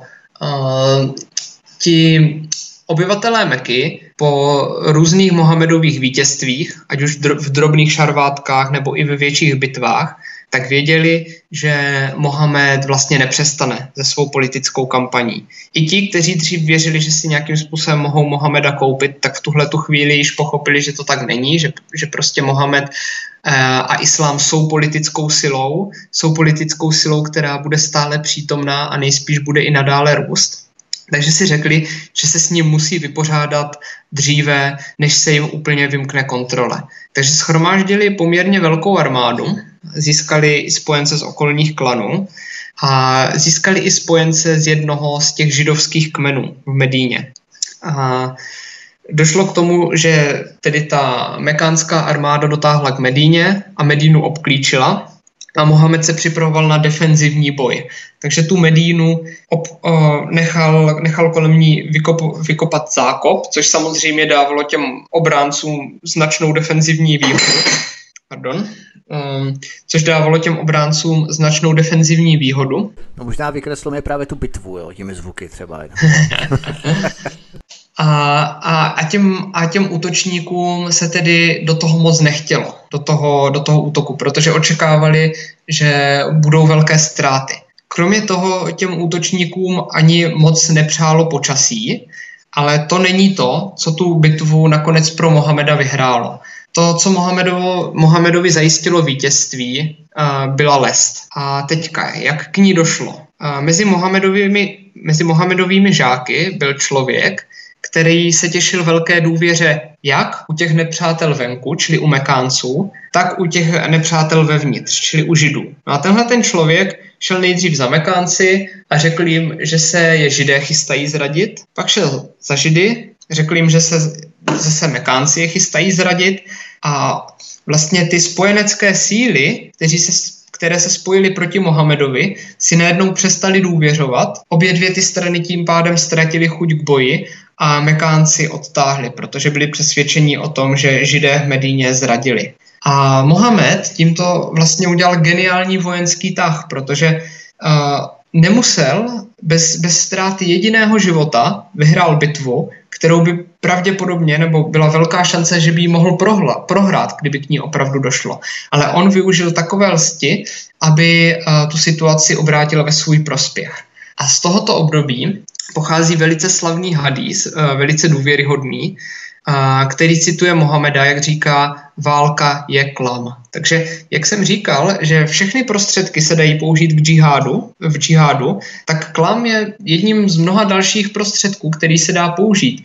Dokonce uh, Mohamed, uh, pardon, Allah o sobě tvrdí v jednom koránském verši, že vlastně střádá, střádá mm, úklady proti Mohamedovým nepřátelům. Takže i, i sám Allah je mistrem klamu. A Mohamedovi tedy tahle ta lest velice, velice pomohla a tím pádem, protože Mohamed je závazný morální vzor, tak ji učinil legitimním i tak lest učinil vlastně přípustnou i pro budoucí generace muslimů. Uhum, tady vidíme úplně geniálně, proč je vlastně důležité studovat ten Mohamedův život. Tady vlastně nacházíme ty principy, kterými islám vlastně bojuje a snaží se nás vkormidlovat, manévrovat do určité pozice těch, kteří musí právě odčinovat ty své hříchy a islám je oběť. My se musíme kát za své hříchy, že jsme jim ublížili a že jsou v menšině, proto je musíme privilegovat v rámci jejich postavení a ustupovat v rámci stále větších a větších a širších požadavků islámu. Prostě uh, džihad nerespektuje žádná pravidla. Ten tento, tento institut nebo toto pravidlo klamu je další zásadní kapitolou v islámu, jakým způsobem musíme ten islám poznat. Eh, můžeme prohlásit tady, že se předchozí defenzivní, čili obraný džihad, proměňuje v ofenzivní, tedy útoční džihad právě v této křižovatce nebo v rámci tohoto období po válce, po válce zákopové, respektive bitvě, zákopové bitvě a hlavně tomu klamu? Já myslím, že, já myslím, že ta zákopová bitva se tak určitě dá vnímat. Ale ještě než uh, přistoupíme k tomu útočnému, ofenzivnímu džihádu, tak bych chtěl se ještě vrátit k tomu jednomu velice důležitému prvku obraného džihádu. A to jsou právě, to je právě ten teror a jsou to vraždy. My jsme, my jsme to tak rychle přešli, ale ta metoda byla velice důležitá, protože přestože Mohamed v téhle chvíli ještě neexpandoval, nerozšiřoval své území, tak se, tak se stávalo to, že nechával, posílal vlastně své žáky, aby zavraždili kritiky. Když, když prostě někdo kritizoval Aláha nebo Mohameda, tak, tak se mohlo stát, že nějaký z Mohamedových následovníků jej s posvěcením Mohameda zabil. A Mohamed tím samozřejmě si nemyslel, že dokáže zabít všechny své nepřátele jednoho po druhém. Ten účel nebyl, aby, aby vyvraždil eh, vlastně všechny obyvatele Medíny, co nejsou muslimové. A cílem tohoto teroru bylo něco úplně jiného, a to sice, a to sice vystrašit ty jeho kritiky. Protože stačilo, aby zemřel jeden nějakou násilnou smrtí, a pak si všichni ostatní uvědomili, že jsou eh, ve velkém nebezpečí a velice dobře si rozmysleli, jestli budou dále pokračovat v té své kritice. A já tady, já tady mám jednu velice zajímavou pasáž ze Síry, která není příliš známá, ale, ale mi, přijde, mi přijde velice zajímavá, protože ukazuje, přesně ilustruje tu situaci, jaká byla v té době v Medíně, v té době defenzivního džihádu. A teď zase budu citovat. A Mohamed řekl, zabijte každého žida, který se dostane do vaší moci. To bylo, to bylo vlastně poté, co byl, co byl rozhněvaný na židy kvůli té jejich zradě. A teď, když to slyšel Muhasia, to byl jeden z těch jeho žáků, vrhnul se na židovského kupce, který byl jeho obchodním partnerem a zabil ho. Muhasiův bratr nebyl muslimem a zeptal se ho. Chci říct, že kdyby ti Mohamed dal za úkol useknout mi hlavu, ty bys to udělal? A ta Muhasiova odpověď zněla ano. A nyní ten jeho bratr řekl, při Aláhovi, náboženství, které tě přiměje udělat tohle, je úžasné. A v tu chvíli se rozhodl stát muslimem. Takže my vidíme, že vlastně ta síla, kterou, eh, to, to násilí a ta síla, ta moc, kterou se projevoval islám, to nebylo něco, co by lidi od islámu odrazovalo. Právě naopak, a to, to, to, byl, to byl prvek, který, díky kterému islám začal růst mnohem rychleji, protože lidé se začali bát. Takže strach byl velmi jednoznačně hybatelem toho islámu, který začal expandovat, protože se lidé báli. To je zase další, další záležitost. Posuneme se kousek dál v naší historické časové ose a zastavíme se u osudu posledního židovského kmene, což lze bez nadsázky označit za genocidu. O jakou událost se vlastně jednalo a proč ve světle předchozích bitev bychom právě tuto etapu měli označit za genocidu? Tak já už jsem tady nastínil, že vlastně jeden z těch židovských kmenů se spojil s Mekánci proti Mohamedovi a to se samozřejmě Mohamedovi naprosto nelíbilo. A my, my se dočítáme, že Mohamed měl zjevení archanděla Gabriela po té zákopové bitvě, kdy mu archanděl říká, uh, Mohamede, ty jdeš odložit zbraně, ale já jdu k tomu poslednímu židovskému kmeni. Což vlastně znamenalo, že Mohamed neměl odložit zbraně, ale měl uh, se vydat, potrestat ten poslední židovský kmen. A já tedy vlastně říkám, že to je poslední židovský kmen, ale na začátku jsem uvedl, že v Medíně existovaly tři židovské kmeny. Takže si posluchači možná pokládají otázku, kam se podělí ty předchozí dva. Já aspoň ve stručnosti řeknu, že oba dva měli velmi podobný osud. Mohamed je nechal uh, vyhostit, to znamená, že museli opustit Medínu a, a zabavili jim jejich majetek. A to se v případě obou stalo v případě nějaké křivdy, kterou se dopustili vůči Mohamedovi, která ovšem není známá. Údajně oba dva měli nějakým způsobem porušit smlouvu nebo nějakým způsobem zautočit na Mohameda, ale my přesně nevíme jak, takže, takže takový byl osud těch původních dvou židovských kmenů.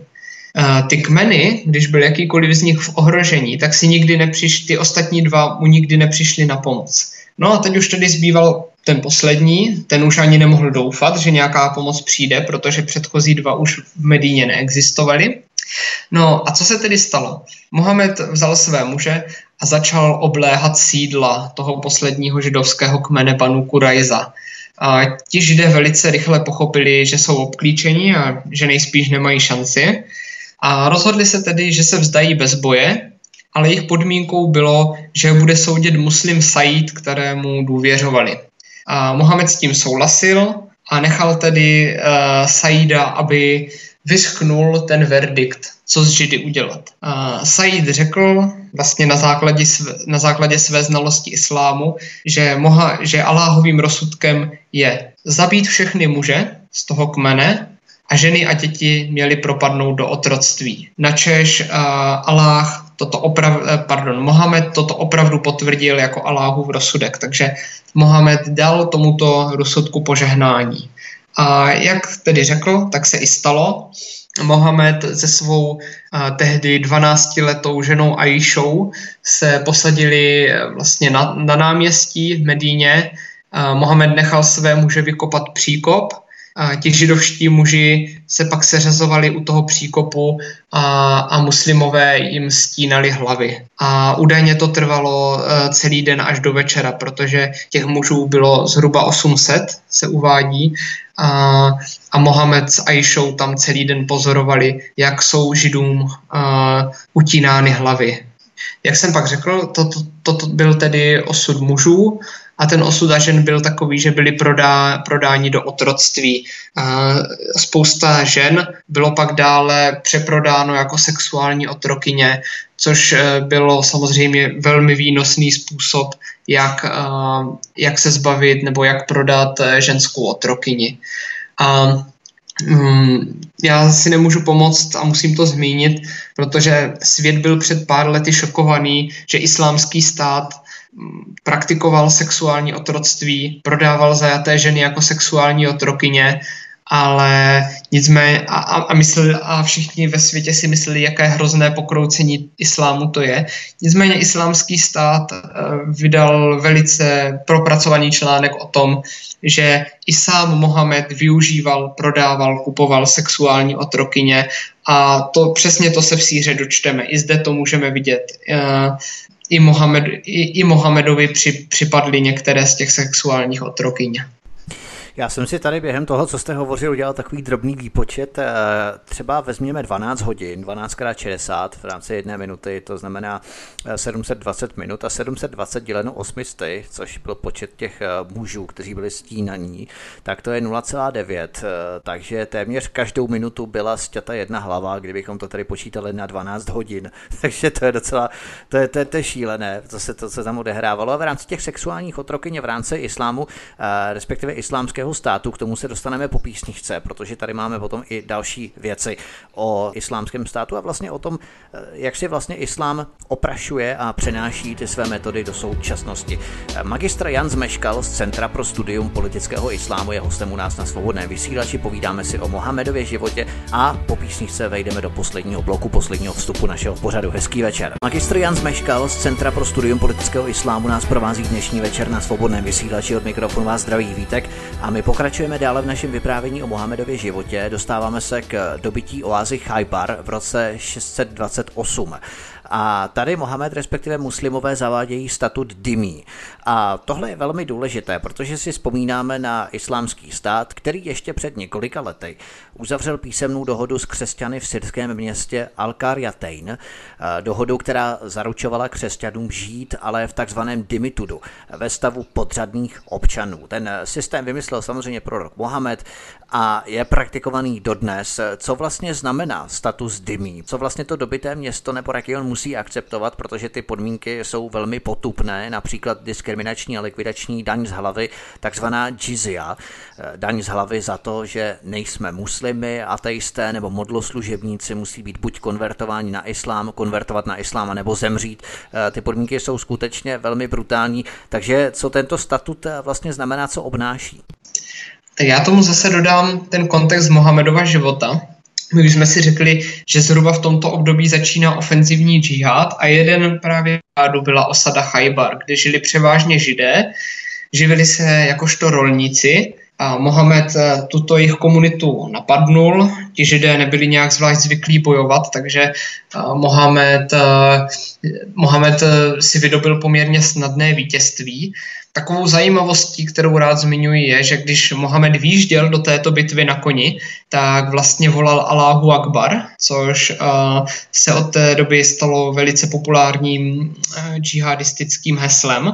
A vidíme opět, že to není žádná inovace 21. století, že to je něco, co Mohamed sám praktikoval ve století sedmém. Ale vrátím se zpátky k tématu. Mohamed tedy získal poměrně snadné vítězství a přemýšlel, jak s těmi porobenými židy naloží. Ti židé v Chajbaru eh, jim samozřejmě neuniklo, jak dopadl poslední uh, kmen medínských židů a, a ta vyhlídka se jim samozřejmě nelíbila, že by jim byly setnuty hlavy, ale zároveň chápali, že jsou poražení. Takže uh, ti židé samotní Mohamedovi nabídli takovou smlouvu, že Mohamed je nechá žít a oni mu za to budou odvádět polovinu svých příjmů. A Mohamed se nad tím zamyslel a vlastně z jeho úhlu pohledu to dávalo velký smysl, protože ti židé v Chajbaru byli zkušení rolníci, mnohem zkušenější než jeho vlastní přívrženci, takže on pochopil, že když na tuto smlouvu přistoupí, na tu smlouvu, která se jmenovala Dima, od, od toho tedy Dimi, tak a, to pro něj bude znamenat velký ekonomický přínos. A ta smlouv, tahle ta první smlouva měla poměrně hrubé rysy. Později ta smlouva Dimi byla, a, a byla propracována mnohem do větší hloubky. A tak, jak se pak tradičně uzavírala s porobenými káfiry, a, tak fungovala tím způsobem, že tedy káfiři, kteří si vykoupili svůj život, a, si mohli ponechat své náboženství v soukromí, Nesměli ho praktikovat veřejně, nesměli ho šířit samozřejmě, nesměli se zvony svolávat k modlitbám. Ta jejich víra musela zůstat zcela soukromá. Kromě toho samozřejmě museli platit tu likvidační daň, 50% z příjmu, které se říkalo jizya, a která samozřejmě v poměrech, ve středověkých poměrech byla mnohem brutálnější než dnes. Dnes sice v některých státech občané platí 50% svých příjmů, ale zase za to mají nějaký sociální stát. Tady jediné, to jediné, co se těm porobeným dymí dostávalo, bylo to, že si mohli uchovat svůj život, pokud, ta, pokud vlastně se to Mohamedovi hodilo. No kromě toho museli nosit speciální oblečení, které nějakým způsobem odlišovalo, nesměli nosit a vlastnit zbraně, nesměli stavět vyšší budovy než muslimové. Těch přikázání bylo mnoho, na, například pokud viděli, že muslim jde po jedné straně ulice, tak, se mu, tak museli přejít na druhou stranu ulice. Většina z těch přikázání měla za cíl a, prostě e, ty dymy co nejvíce potupit, aby ten život byl opravdu nesnesitelný jako dymy. Samozřejmě bylo tam i velice důležité přikázání, a, že naprosto nebylo možné jakýmkoliv způsobem kritizovat Mohameda nebo Aláha. No. A ten systém fungoval velice chytře, zvláště když se na něj podíváme v horizontu několika set let. Protože když bylo podrobené nějaké nové území, velké, jako například Anatolie nebo dnešní Turecko, tak ze začátku bylo zcela křesťanské. A ti křesťané se stali dymí. A to mělo dvojí efekt, který byl prospěšný pro politický islám. První byl ten, že ze začátku tím, že odváděli polovinu příjmu, tak to znamenalo pro islám velkou, velkou finanční výhodu. Ale časem ti lidé žili vlastně v tak nesnesitelných podmínkách, že je čím dál tím více lákala ta myšlenka konvertovat k islámu a stát se plnohodnotnými občany. A čím dál tím více lidí této možnosti využívalo. V průběhu stovek let to vedlo k tomu, že, jak jsem říkal, dříve křesťanská Anatolie je dnes zcela islámské Turecko a ti lidé vlastně nebyli konvertováni pod nějakou hrozbou uh, akutní, akutního fyzického ublížení. Oni všichni konvertovali v průběhu těch stovek let vlastně v uvozovkách dobrovolně. A... Ano, ale oni konvertovali vlastně k tomu islámu ne protože by přijali nějakým způsobem tu víru a principy islámu, ale spíše proto, aby si zvýšili svou životní úroveň a svůj standard. No to ano, ale vlastně to bylo jejich rozhodnutí, protože oni mohli zůstat dymí. Oni, oni prostě mohli žít v tom poníženém postavení ale tím, že se sami rozhodli stát uh, muslimy, tak samozřejmě tuhle tu ideologii předali i na své děti a ty to předali na své děti a oni se s tím vlastně, přes, přestože ze začátku to dělali, udělali jako z donucení, ze zájmu žít nějaký normální život, tak časem se s tím stotožnili. Ano, ano, ano, chápu, rozumím, jasně. Postoupíme dále, následně islám totiž triumfuje a dobývá Meku se které musel Mohamed a jeho stoupenci před časem uprchnout do Medíny. Jak jsme zmínili, to musela být pro Mohameda asi opojná satisfakce, že když vlastně porazil na hlavu město, kterého ze svého středu jak se vyobcovalo. No samozřejmě, byl to, byl to velký triumf, který přišel pouhých uh, zhruba 9 let po tom, co Mohamed byl vyhnán z Meky. Uh, my si, my si tu událost nesmíme představovat nějak krvavě. Hm, ti Mekánci Musíme si uvědomit, že když Mohamed přitáhnul k Mekce, tak jeho družina už činila zhruba nějakých 10 tisíc lidí. Takže na poměry středověké Arábie to byla obrovská, do té doby nevýdaná vojenská síla. Na tom si můžeme představit, jak Mohamed během těch devíti let džihádu zesílil. Já jsem říkal, že za 12 let náboženského kázání získal uh, 100, nějakých 150 příznivců a teď po devíti letech džihádu má nějaký, má desetitisícovou armádu a dalších nějakých 90 tisíc příznivců, kteří v té armádě nebyli a, a zůstali někde ve svých obydlích. Takže se z něj stala neuvěřitelná politická síla. No a když to obyvatelé Meky viděli, tak eh, velice dobře pochopili, že nemá cenu klást odpor, protože by neměli šanci vyhrát a Mohamedovi se dobrovolně vzdali. Mohamed eh, ovšem svůj triumf samozřejmě chtěl završit. K většině obyvatelů Meky prokázal schovývavost a samozřejmě jim nabídnul uh, buď konverzi uh, k islámu, anebo, anebo ty další alternativy, o kterých jsme se bavili, jako status dymy. Nicméně některé lidi přesto nechal zabít a byli to právě lidi, kteří jej kritizovali dříve. Takže vidíme, že islám nepřipouští kritiku. Přestože Mohamed se zmocnil Meky vlastně bez násilí, tak stejně nechal zabít své bývalé kritiky. To byla jedna věc. A druhá věc byla ta, že já jsem na samém začátku zmínil, že v té centrální mekánské svatyni se uctívalo nějakých 360 náboženství. Mohamed nechal všechny ty modly, modly všechny ty idoly zničit a od té doby bylo samozřejmě, eh, bylo samozřejmě možné v Kábě uctívat jenom islám a tak to je dodnes. Dostáváme se k další etapě islámu a to nájezdu na Tabuk, který doprovázel rozkaz k věčnému džihádu a to i po Mohamedově smrti. Co bylo hlavní podstatou tohoto poselství využívat prvky džihádu i po Mohamedově smrti, což islám vlastně důsledně až dodnes dodržuje, jak jsme si v nesčetných situacích ozřejmili až doteď? No, když si představíme tu situaci, tak Mohamed obsadil Meku, což bylo obchodní centrum, jedno z nejvýznamnějších měst v tehdejší Arábii. Pak se proti němu sformovala ještě jedna koalice, kterou všem taky dokázal rozdrtit a tím pádem zlomil veškerý odpor v Arábii. V tu chvíli všichni v Arábii pochopili, že Mohamed je vítěz, že mu patří celá Arábie, že všichni musí konvertovat k islámu nebo platit džizju a začali se, a začali se k němu hrnout konvertité ze všech koutů Arábie. A spousta, spousta z jeho následovníků si myslela, že tím džihad končí, že bylo dosaženo toho vítězství, které jim Mohamed sliboval. Nicméně, Mohamed přikázal, přikázal nájezd na Tabuk, což už bylo byzantské území, byla to, byla to nějaká osada na jihu byzantského území. To město získal opět pomocí lsti, takže velice chytře. A když ta bitva skončila, tak někteří z těch jeho následovníků se rozhodli, že prodají svou zbroj, prodají své koně, prodají své meče, protože už si mysleli, mysleli že je nebudou dále potřebovat. A to ovšem, to ovšem nepřipadalo v úvahu. Přichází výzva k věčnému džihádu, kdy Mohamed říká v hadísu. Z řad, z řad mého lidu nezmizí družina odhodlaná k boji, dokud se neobjeví, dokud vlastně nepřijde soudný den. Což znamená, když to přeložím, džihad uh, musí pokračovat až do konce věků.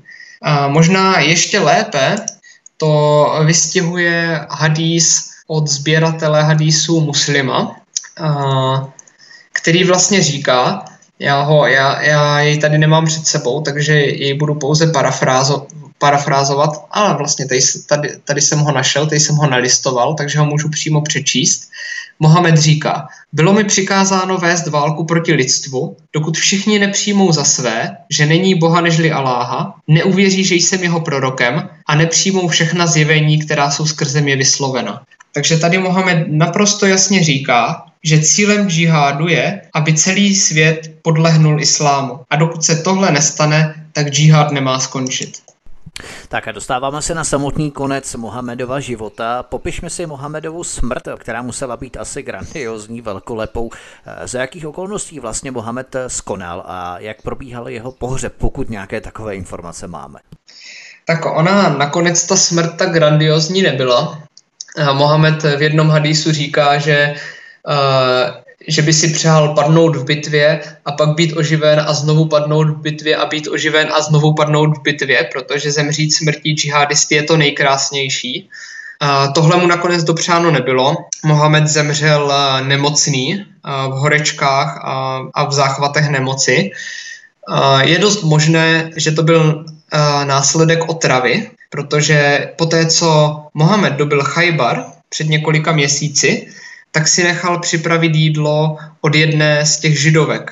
Jejíhož manžela zabil v té bitvě. A, to se ukázalo, že nebyl úplně chytrý nápad, protože ta židovka samozřejmě truchlila za svého manžela a chtěla se Mohamedovi pomstit tak dala Mohamedovi do jídla jet a on si, toho, on si toho naštěstí pro něj všimnul poměrně rychle, takže to jídlo nedojedl, ale čas, část toho jedu se mu přesto dostala do těla a je možné, a od té doby jej vlastně trápilo zdraví a je možné, že právě, právě v tom roce 632 je, jej to dohnalo a nakonec ho to zabilo. Um, to, já myslím, že detaily jako Mohamedův pohřeb a tak dále se úplně nemusíme zabývat. Spíš, spíš bych rád zmínil to, co má důsledek pro nás jako káfiry. A to sice, že těsně před Mohamedovou smrtí byla zjevena kapitola 9 Koránu. A já vím, že spousta posluchačů nemá čas přečíst si celý Korán, ono to není úplně jednoduché čtení, ale apeluji na vás, pokud si můžete přečíst alespoň jednu kapitolu z Koránu, přečtěte si kapitolu 9. Je to, zabere vám to pouhých pár minut A ta kapitola 9 je vlastně sformování toho politického programu věčného džihádu.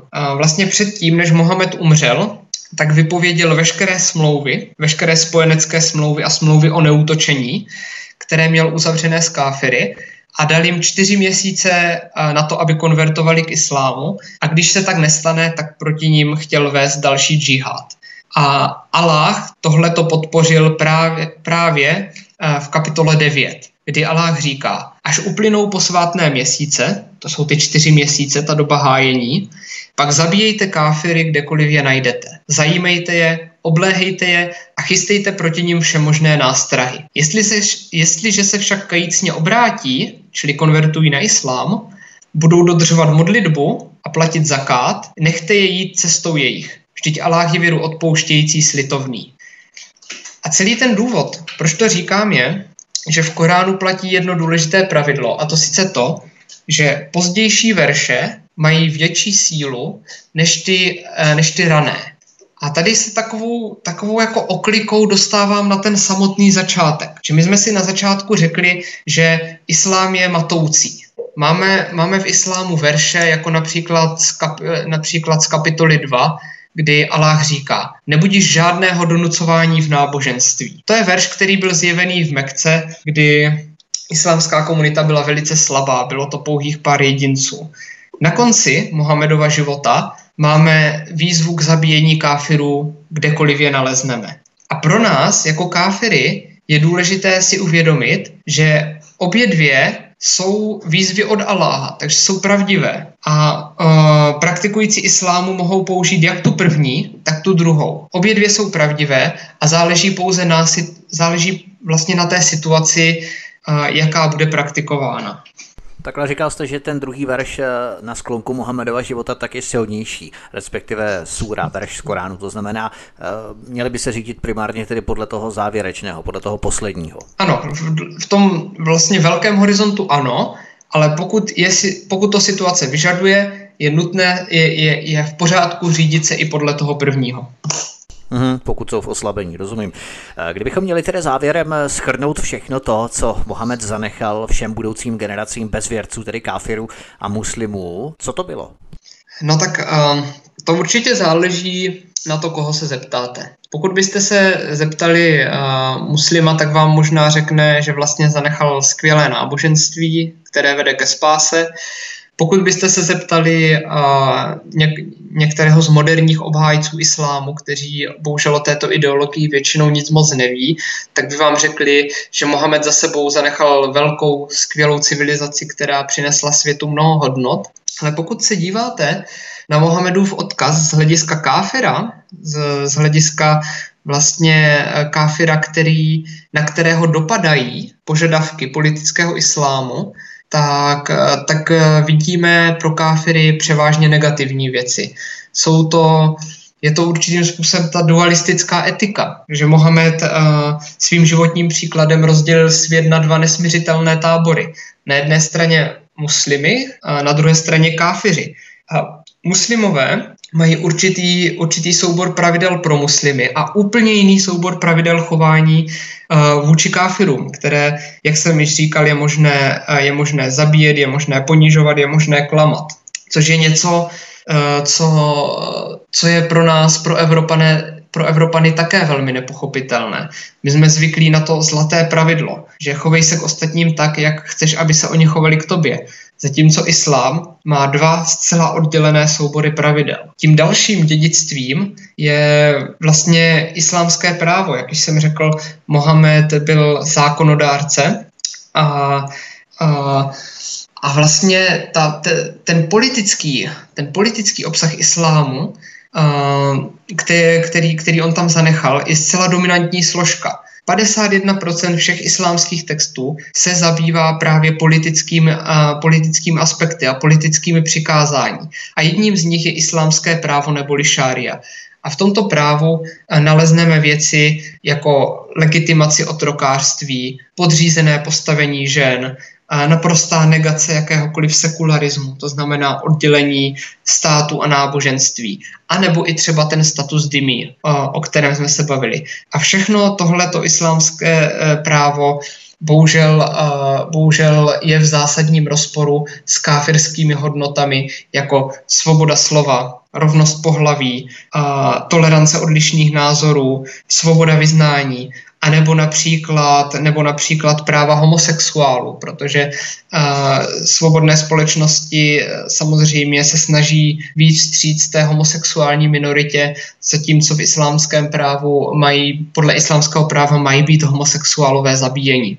No a tou poslední významnou složkou je džihad, což uh, což je opět koncept, který je pro nás těžko pochopitelný. Je to úplně, úplně nový koncept totální války, ve které se nevyhrává pouhým fyzickým násilím, ale ve které je možné ve prospěch islámu působit pomocí peněz, pomocí propagandy, pomocí uh, úplatků, pomocí, uh, mm, pomocí klamu, uh, prostě pomocí jakýchkoliv, uh, jakýchkoliv dostupných prostředků, a který hlavně funguje dlouhodobě.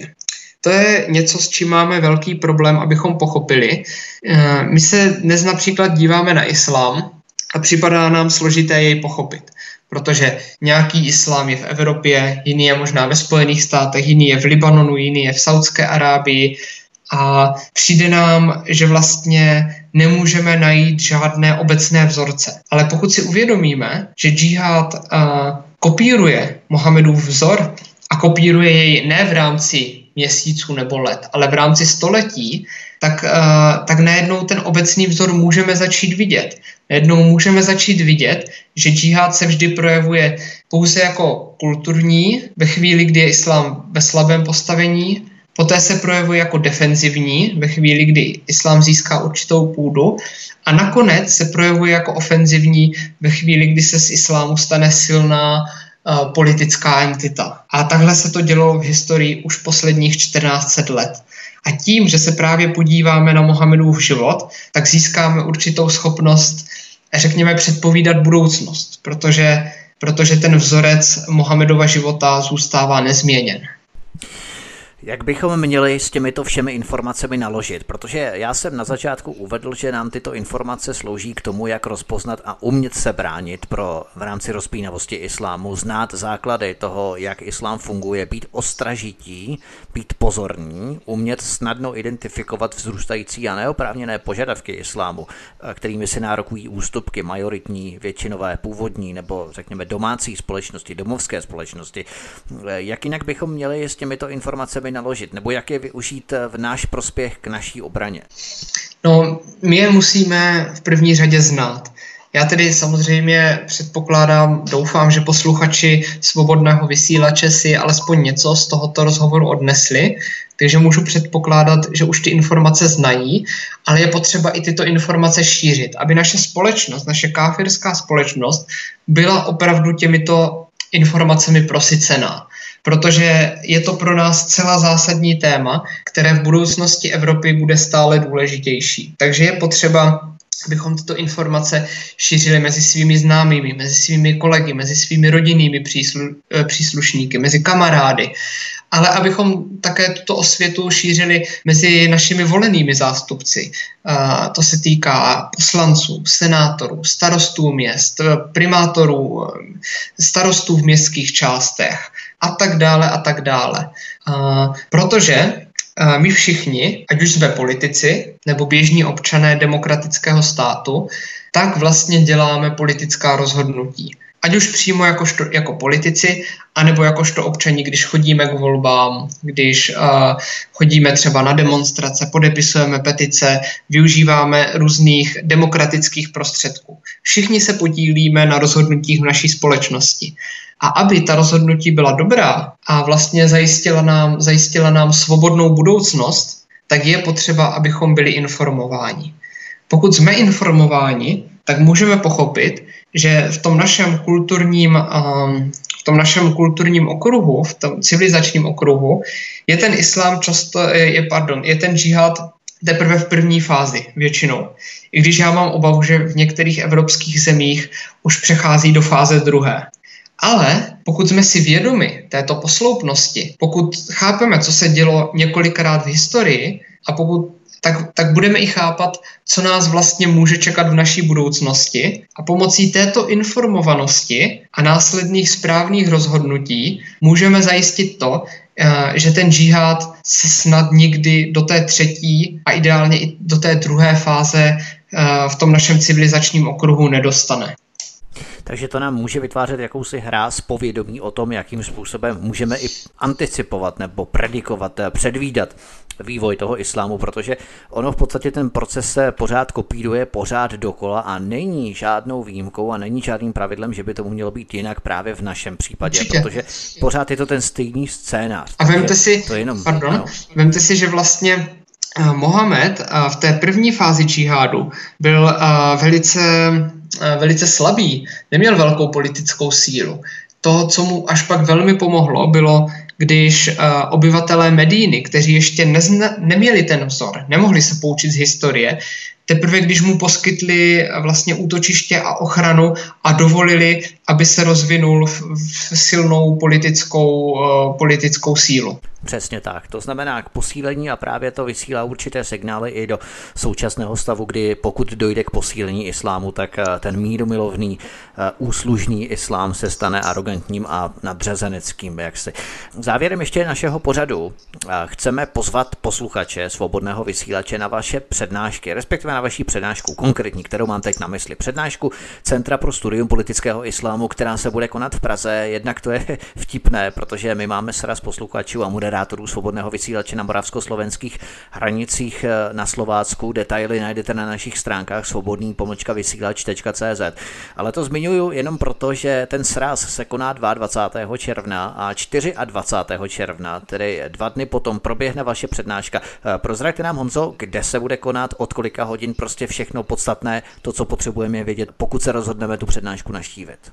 Tak uh, všechny ty informace, co řeknu, můžete najít i na Facebooku. Pokud si do Facebooku zadáte uh, Centrum pro studium politického islámu, tak narazíte na naše stránky. Tam vás samozřejmě velmi zvu. Uh, můžete je sledovat, můžete dát like, můžete sdílet naše příspěvky, ale tím trochu odbočuju. Co se týče naší přednášky, tak ta bude 24. června v 19 hodin na adrese Novotného Lávka 5 v Praze. Ta tématem přednášky je politický islám jako hrozba pro svobodnou společnost a bude to vlastně taková úvodní přednáška. Takže pokud eh, pokud jste poslouchali dnešní pořad, tak eh, nejspíš spoustu z těch informací um, uslyšíte znovu, ale i tak si myslím, že se hodí přijít, protože, protože zase se budu dívat na to téma politického islámu z trochu jiného úhlu, ale hlavně pokud máte nějaké přátelé, kamarády, kolegy, kteří by se o tom chtěli dozvědět víc, které, kterým přijde zvláštní, že o islámu se šíří tolik protichůdných informacích, nebo kteří obecně jsou málo informovaní, můžete je tam vzít, můžete je tam pozvat a poslechnout si nás. Tak to bylo stručně k vaší pozvánce, která se bude konat 24.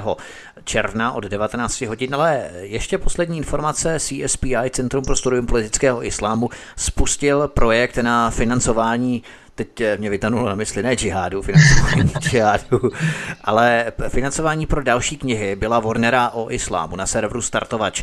Prozraďte nám, Honzo, o tom něco víc, o jakou knihu se jedná, jak vám lidé mohou pomoci. Hmm. Takže ta kniha se jmenuje Politický islám v kostce, úroveň 2. A je to vlastně kniha, která navazuje na samostudijní kurz o islámu. Ten již dnes je dostupný v českých knihkupectvích. A je to tedy úroveň 2, což znamená, což znamená už pokročilejší informace o islámu. Pokud, pokud vám už vše, co jsem řekl dnes, připadá jako základní informace a chtěli byste se o politickém islámu dozvědět víc, tak právě tato kniha by pro vás mohla být velice zajímavá, kdybyste chtěli jít víc do hloubky. My jsme tedy my jakožto Centrum pro studium politického islámu jsme nezisková organizace v tom původním slova smyslu. To znamená, že naši členové nepobírají žádné platy, to znamená, že nemáme žádné administrativní výdaje. Všechnu naši činnost děláme dobrovolně ve volném čase a, a veškerý, veškerý zisk, co získáme, ať už třeba z přednášek nebo z prodeje knih, znovu investujeme do dalšího vzdělávání evropské společnosti. Takže pokud byste nás chtěli v této uh, aktivitě podpořit, tak můžete právě, můžete právě zafinancovat náš projekt na serveru www.startovac.cz a tam, když si zadáte do vyhledávání politický islám, tak najdete projekt naší knihy, můžete ji podpořit 100 korunou, můžete ji podpořit 500 korunou, anebo kolik chcete. Ta kampaně je zatím velice úspěšná, mnohem úspěšnější, než jsme původně očekávali, ale pokud nám přispějete, tak samozřejmě budeme jedině rádi a čím dříve dokončíme tuto kampaň, tím dříve se budeme moct vrhnout na překlad a tisk dalších knih. Takže veškerá finanční pomoc je zcela vítaná a vy můžete mít jistotu, že veškerý ten finanční výdělek půjde uh, čistě do toho překladu a tisku knihy. Zkusili jste třeba, mě napadlo požádat uh, islámskou nadaci v Brně, že by vám něco přispěli třeba, že by se Mulí Basan al Raví praštěl přes kapsu. tak to jsme neskoušeli, nicméně existuje taková, uh, Bill Warner mi říkal takovou zajímavou historku, a to sice, že jeho knihy si uh, objednávají v Libanonu nějaké islámské školy, protože, uh, protože Warner tak přesně vystihuje vlastně to, co v těch islámských textech najdeme, že to klidně mohou používat, uh, to klidně mohou používat i v Libanonu.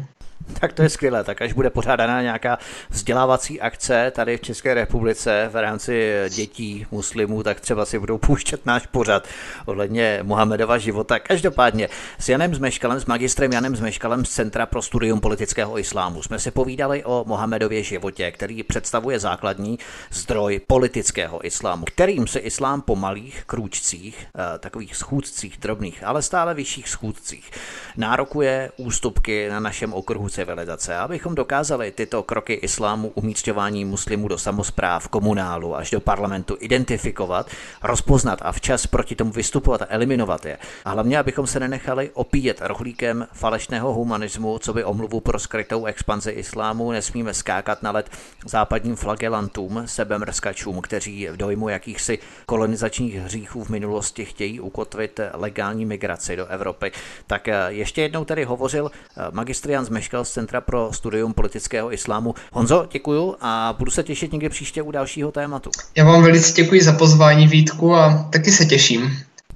Tento i ostatní pořady si můžete stáhnout na stránce svobodný vysílač.cz v našem rozhlasovém archivu, a nebo můžete zavídat i na náš YouTube kanál a tady můžete také si poslechnout tento i ostatní pořady, samozřejmě umístěné patřičně v dotčených sekcích. To znamená, že tento pořad třeba eh, pod sekcí Tapin Radio. Takže to by bylo všechno. Já vám ještě jednou děkuji od mikrofonu a zdraví Vítek. Přeju vám příjemně ničím nerušený poslech dalších pořadů.